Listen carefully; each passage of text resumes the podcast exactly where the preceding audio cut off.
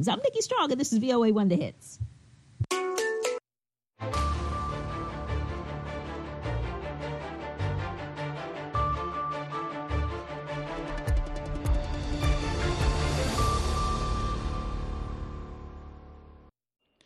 halkani waa washington laanta afka soomaaliga idaacadda v o a oo aad ka dhageysanaysaan mawjadaha gaagaaban efemyada geeska afrika iyo caalamkao dhan oo aad nagala socotaan v o a somaly com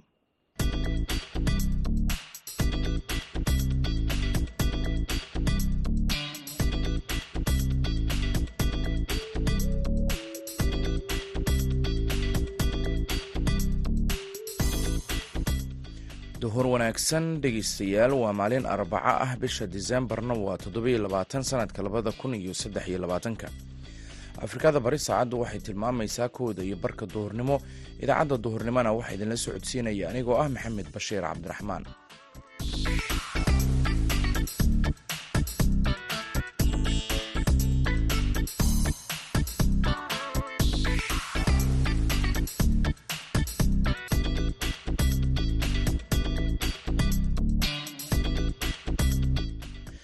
qodobada aad ku maqli doontaan idaacaddeenna duhurnimona waxaa ka mid a madaafiic lagu weeraray xaafadaha qaar ee muqdisho oo haweeney da ah ku dilay hoygeeda xilli ay ku dul fadhiday salligii ay salaada subax ku tukatay. Hooyadii ayaa ku geeriyoosay meeshaasi oo hooyadii ku dhacay.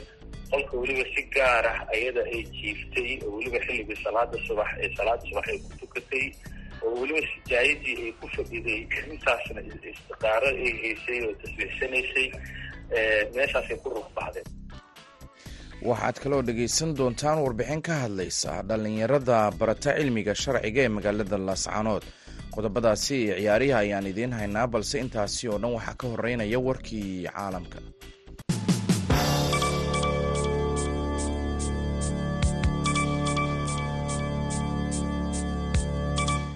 israa'iil ayaa talaadadii sheegtay inay qorsheynayso inay ballaariso dagaalka dhulka ah ee ka socda bartamaha khaza iyadoo dagaalku uu socon karo dhowr bilood oo kale taasi oo qaramada midoobay ay walaac ka muujisay. Ma jiro hab iyo waqti kooban oo lagu burburin karo urur argagixiso ah ayuu yidhi madaxa ciidamada herzi halevi.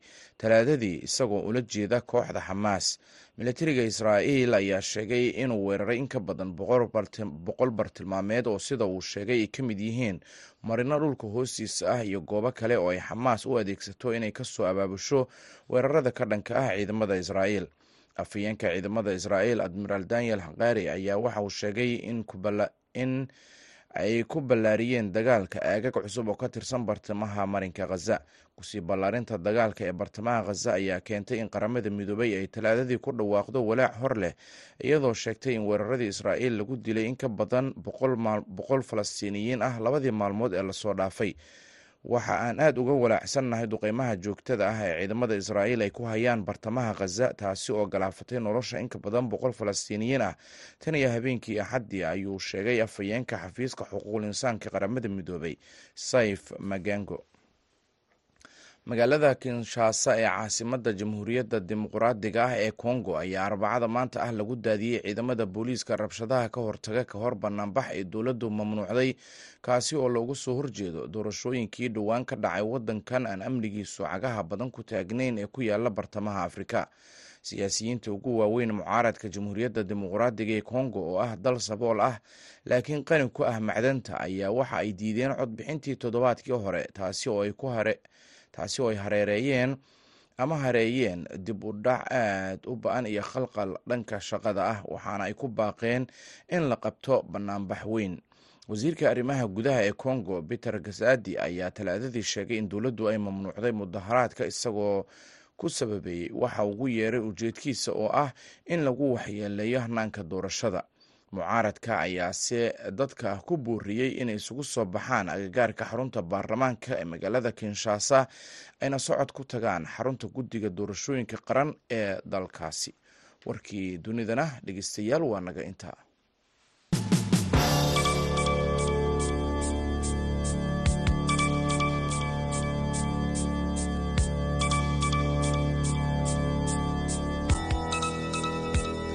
halka dhegeystayaal. Wararkaasi aad kala socotaan. Waa laanta afka soomaaliga ee v o a oo si toos idinkaga imaaneysa washington. Markana muqdisho.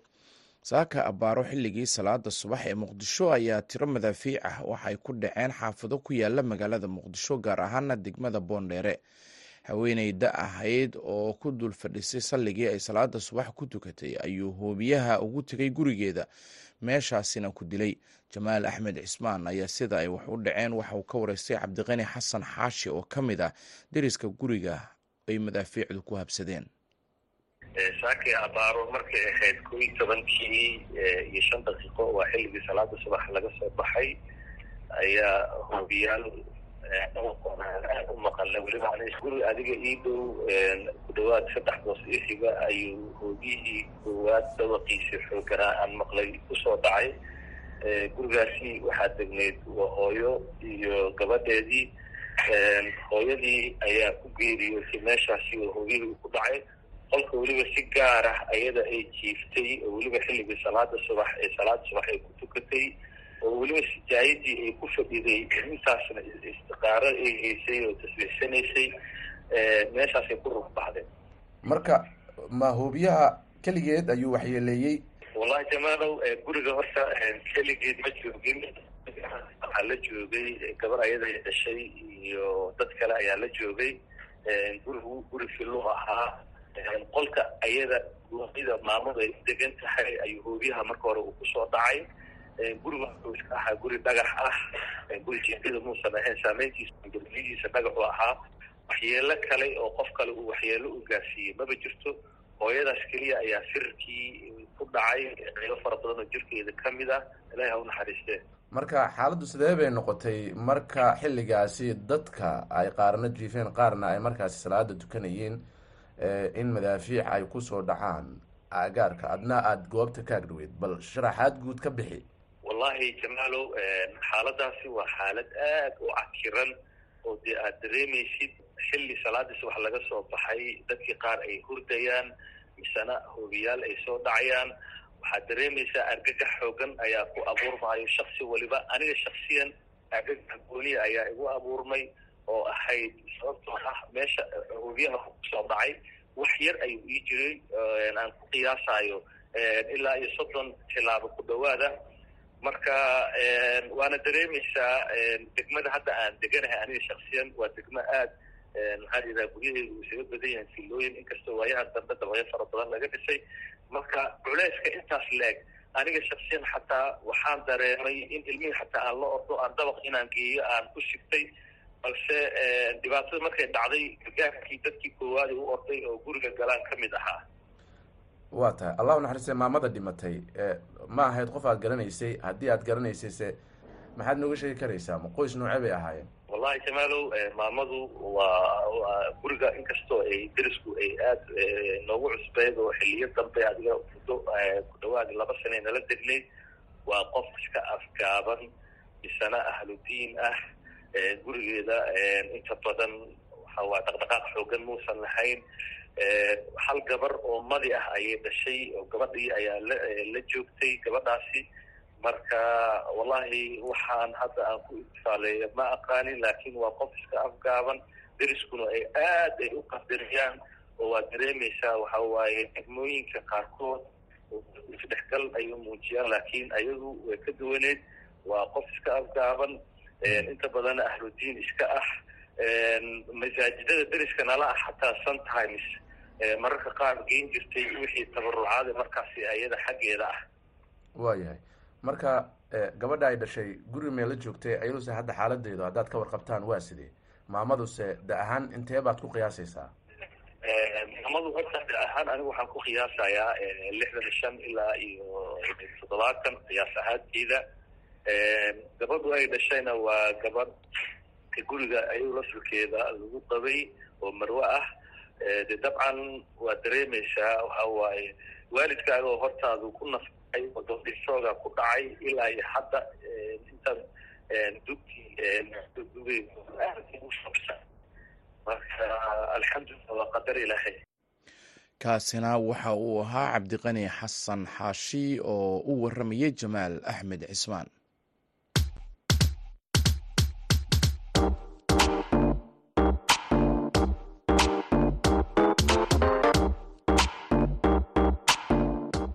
idaacadda v o a waxaad si toos uga dhegaysan kartaa efemyada magaalooyinka geeska afrika. Haddii aad joogto magaalada muqdisho waxaad v o a ka dhegaysan kartaa v o e da f m teda sagaaliyo sagaashan dhibic sagaal iyo raadiyo muqdisho f m teda sagaashan dhibic eber eber. Reediyo kulmiye f m-ta sideed sideed reediyo risaala hal eber labo dhibic labo hargeysa sideed sideed dhibic eber v o a. Haddii aad kismaayo joogto v o e da waxaad ka dhegaysan kartaa raadiyo sooyaal f m sideed sideed dhibic eber gobolka hiiraan hiiraan weyn f m sagaashan megaherts redio baydhaba siddeetan iyo sagaal dhibic shan f m.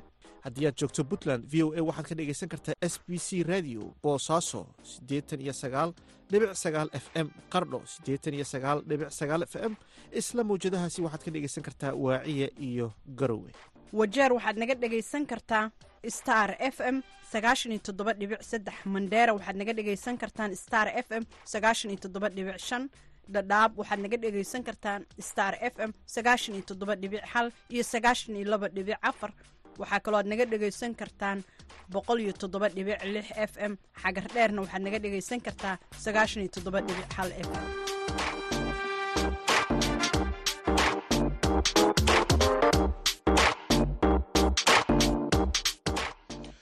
laanta afka soomaaliga v o a ayaad nagala socotaan meel walba joogtaan duhur wanaagsan ayaan idin leenahay. Markana waxaan ku nasanaynaa heystan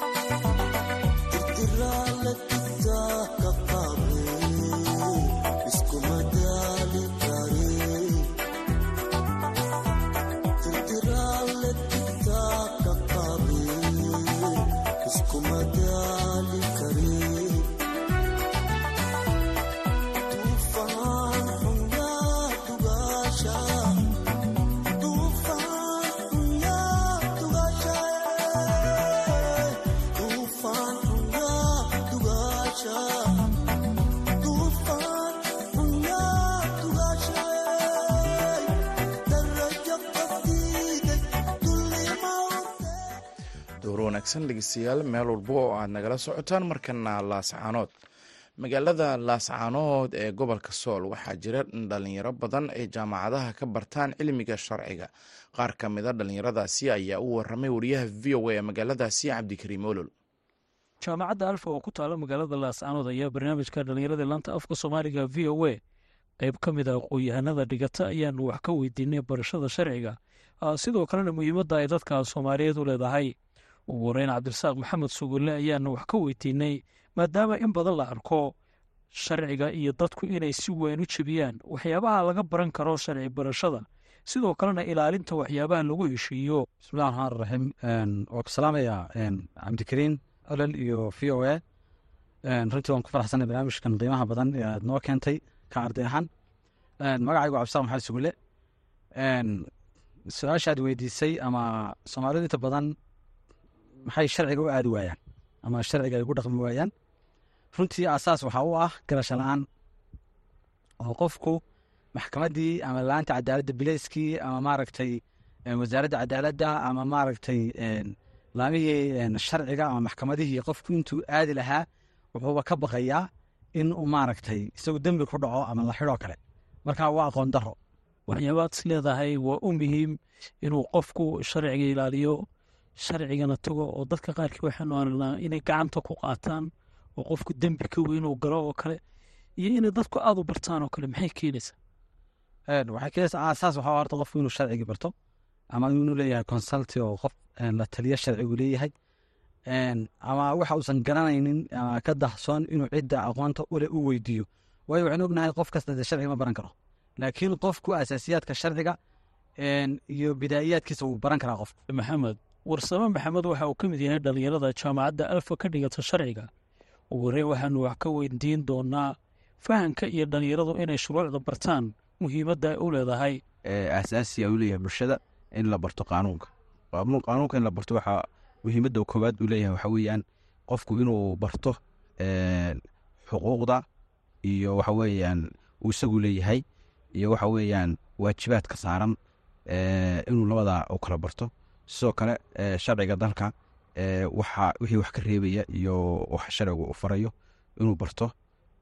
Sidoo kale qofku inuu barto waxa weeyaan waxa weeyaan waxa la yidhaahdo waxa ka mamnuuca ah iyo waxa ay tahay inuu sameeyo.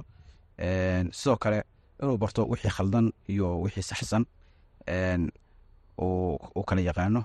Sidoo kale wuxuu ka caawinayaa lowgu ama qaanuunku in aad qofka u raadin karto xuquuq ka maqan ase looyar ahaan markaa looyar aad tahay oo qof sharciga bartay aad tahay sidoo kale xuquuqdaada inaad raadsan karto aad soo dhacsan karto baa ka mid a faa'iidooyinka uu leeyahay. Waxaa kale oo ka mid a faa'iidooyinka uu leeyahay lowgu waxa la yidhaahdo qofku inuu baranayo waxa la yidhaahdo qandaraasyada ama contractska heshiisyada bulshada ay galaan waxa weeye si loo fulinayo cidda fulinaysa tusaale ahaan marka heshiis la galo inuu leeyahay laba qaybood cidda waxa weeye waajibka qaadanaysa iyo waxa weeye cidda bixinaysa waxa weeyaan qandaraaska. Waxaa kaloo ka mid a constitutionka waddanka u yaalla inuu ardaygu uu yaqaano noocyadiisa qaabka waddanka loogaga dhaqmayo faa'iidooyinkaasoo fara badan baa ka mid sidoo kale dhalinyarada aqoon-yahanada halkan aan kula kulannay waxaa ka mid a raashid cali cabdilaahi waxa uu ka hadlayaa faa'iidada ay leedahay barashada sharciga iyo shuruucda kala duwan. Waxaa ka mid a fawaaideysa dadku inay la xisaabtamaan dowladooda waayo waxaad maqashaa madaxweyne ku soo noqo dastuurka ama sharciga. Haddii aadan garanayn qodobkan uu jabiyey madaxweynuhu ama waxaana leeyahay madaxweyne ku soo noqo waa mushkilad. Marka dadku inay sharciga bartaan waxay keenaysaa in lala xisaabtamo dowladdii iyo sistamkii meesha ka jiray. Fawaaidda uu leeyahay waxaa ka mid ah qofku markuu shuruucda ama barto muxuu ahaa sharciga inuu hadduu maxkamad wax ka gasho ama muxuu ahaa dembiye lagu soo ogo kiska la iskaga qaadin uu garan karo qodobka lagu qaaday inuu qodobku gala yahay iyo inuusan hayn waayo soomaalidu waxay isticmaalaan muxuu ahaa xeerka ciqaabta soomaaliya ama benal courtka wax loo yaqaano ama muxuu ahaa madaniga. Qofku hadduusan aqoon waxaa laga yaabaa in qol madownta lala galo in xuquuqdiisa la kala jirto fawaaiduu leeyahy waxaa ka mid ah dadku markay shuruucda bartaan inay heshiisa samayn karaan heshiiska qaabka u geliyayo qaabka soo gelin uu garanayo. Muxuu ahaa shuruucda markay wadanku uu noqdo dad sharci yaqaana ah. Waxaa imaanayaa inuu qof kasta aqoonsan yahay sharcigu inuu yahay waxa ugu sarreeya dalka. Waayo ma jiro qof sharciga ka sarreeya. Haddii sharciga la barto ku dhaqankiisaa sahlanaana inay dadku ku dhaqmaan oo dadkii muxuu tixgeliyaan. Waayo markaad garanaysid waxaana xeer aad jibisa tahay ama aad og tahay inuu waxaanu dalka ka yahay muxuu ahaa dembi. Waad ka istaagaysaa runtii haddaad qof iimaan leh tahay sharcigiina garanaya. Dakari nolol v o a magaalada laascaanood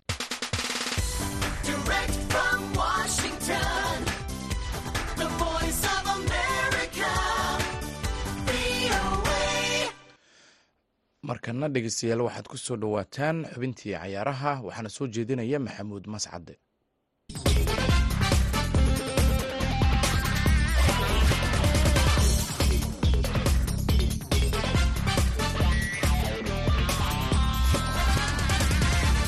kuwa wanaagsan dhegaystayaal dhammaantiinba kuna soo dhowaada xubinta ciyaaraha. Kooxda kubadda cagta ee manchester united ayaa habeenkii xalay ahaa kulan u ekaa in ay guuldaraysatay ka badbaaday kadib. Qaybtii hore ciyaarta markii laba gool iyo waxba ay ku hogaamisay gurigeeda kooxda kubadda cagta ee aston villa. Ciyaaryahan garnaajo wiilka da-da yar ee u dhashay waddanka argentina ayaana noqday xidigii garoonka oo laba gool oo deg deg ah kooxda kubadda cagta ee manchester united u keenay qaybtii dambe ee ciyaarta taasi oo kooxda u keentay in ay higsato guushii uu suurageliyey ciyaaryahan rasmus hoyland oo goolkiisii ugu horreeyey ee horyaalka waddanka ingiriiska habeenkii xalay ahaa u dhaliyey kooxda kubadda cagta ee manchester united. Manchester oo maalmahan guuldarrooyin la daalaadhacaysay ayaa u muuqatay koox awoodeedii kubadeed ay soo noqotay marka la qiimeeyo kulankii xalay aston villa ay la ciyaartay. Inkastoo kooxda aston villa qaybta dambe ciyaarta ay u muuqatay koox kala baahsan oo isweysay. Si kastoo ay tahaba kooxda kubadda cagta ee manchester united ayaa u baahnayd saddexdan dhibcood oo ay u arkayeen taageerayaasheedu mid waddada saari kartay. Dhinaca kale kooxda kubadda cagta aston villa ayaa toddobaadkii labaad oo xiriira lumisay fursad ay hogaanka horyaalka waddanka ingiriiska ay ku qaban kartay. Si kastoo tahaba kooxda kubadda cagta ee manchester united iyo macalinkooda danhaag ayaa habeenkii xalay ahaa waxaa ka degay culays garbahooda saarnaa kooxda kubadda cagta ee liverpool ayaa haatan hogaaminaysa horyaalka waddanka ingiriiska oo laba dhibcood ka sarraysa kooxda kubadda cagta ee arsenal. Kadib markii xalay laba gool iyo waxba ay ku dhufatay kooxda kubadda cagta ee bandil caawa kulamo xiiso badan ayaa dhacay kooxda kubadda cagta ee manchester city oo iyadu toddobaadkan ka maqnayd horyaalka waddanka ingiriiska taa beddelkeedana ciyaaraysay koobka kooxaha dunida ee ka dhacay waddanka sacuudi carabiya kooxda ku soo guulaysatay ayaa caawa waxay martigelinaysaa kooxda kubadda cagta. Aan idhaahdee waxay booqanaysaa guriga goodisonburg gegida ay ku ciyaarto kooxda kubadda cagta everton. Manchester city ayaa lafteedu horyaalka waddanka ingiriiska waayihii la soo dhaafay dhibco badan luminaysay waxaana caawa dad badan oo taageerayaasheedu ay weliba doorka hore kaga jiraan. Ay ka filayaan inay manchester city kulankan guulaysan karto. Inkastoo everton lafteedu ay u muuqatay koox maalmahan asoo kabanaysay. Kooxda kubadda cagta ee chelsea ayaa dhankeeda iyana waxa ay martigelinaysaa kooxda kubadda cagta ee crystal palace halka brentfordna ay kooxda kubadda cagta ee welfes kula ciyaarayso gegideeda magaalada london. Xubintaana ciyaaraha inta ayaan ku soo gabagabaynayaa inta aynu mar dambe dib u kulmi doono waxaan idinku dhaafayaa sidaa iyo noli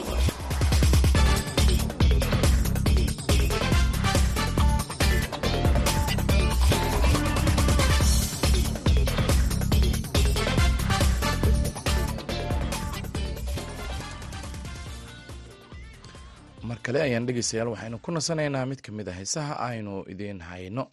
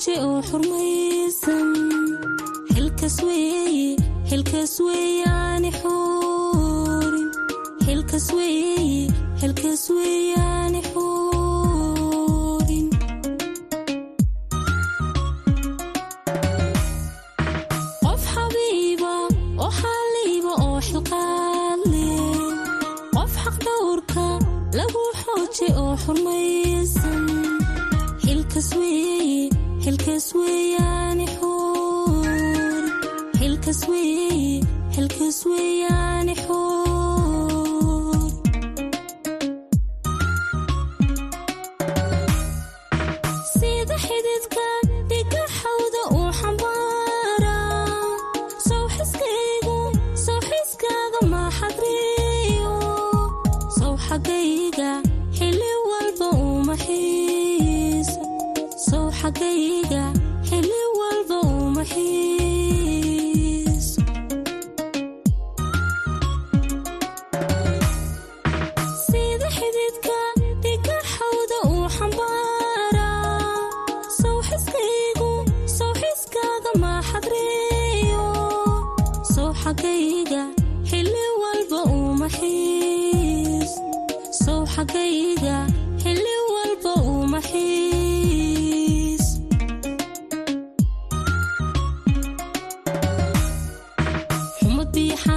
xalka raadshe kalxajinta laga xore oo xalaysan waxa xikmadiisu xalad leeday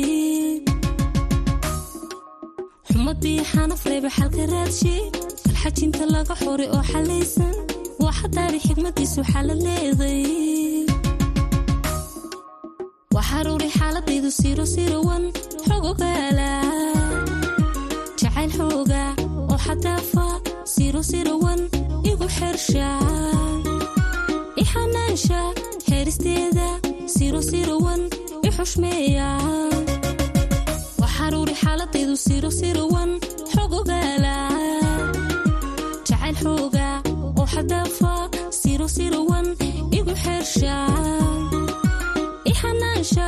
xeeristeeda siro siro sirowan xerir sida siro sirowan i xushmeeya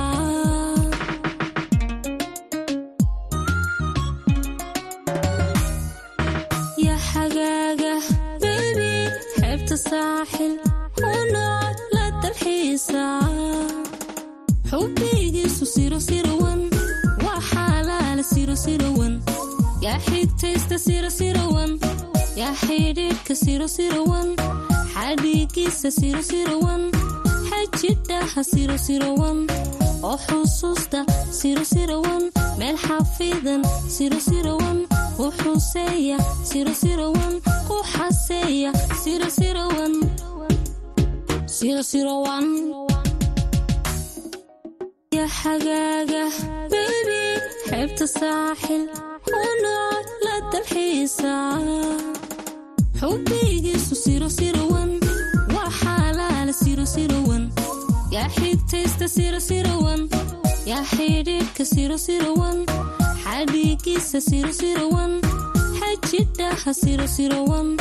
oo xusuusta meel xafidan siro sirowan u xuseeya ku xaseeya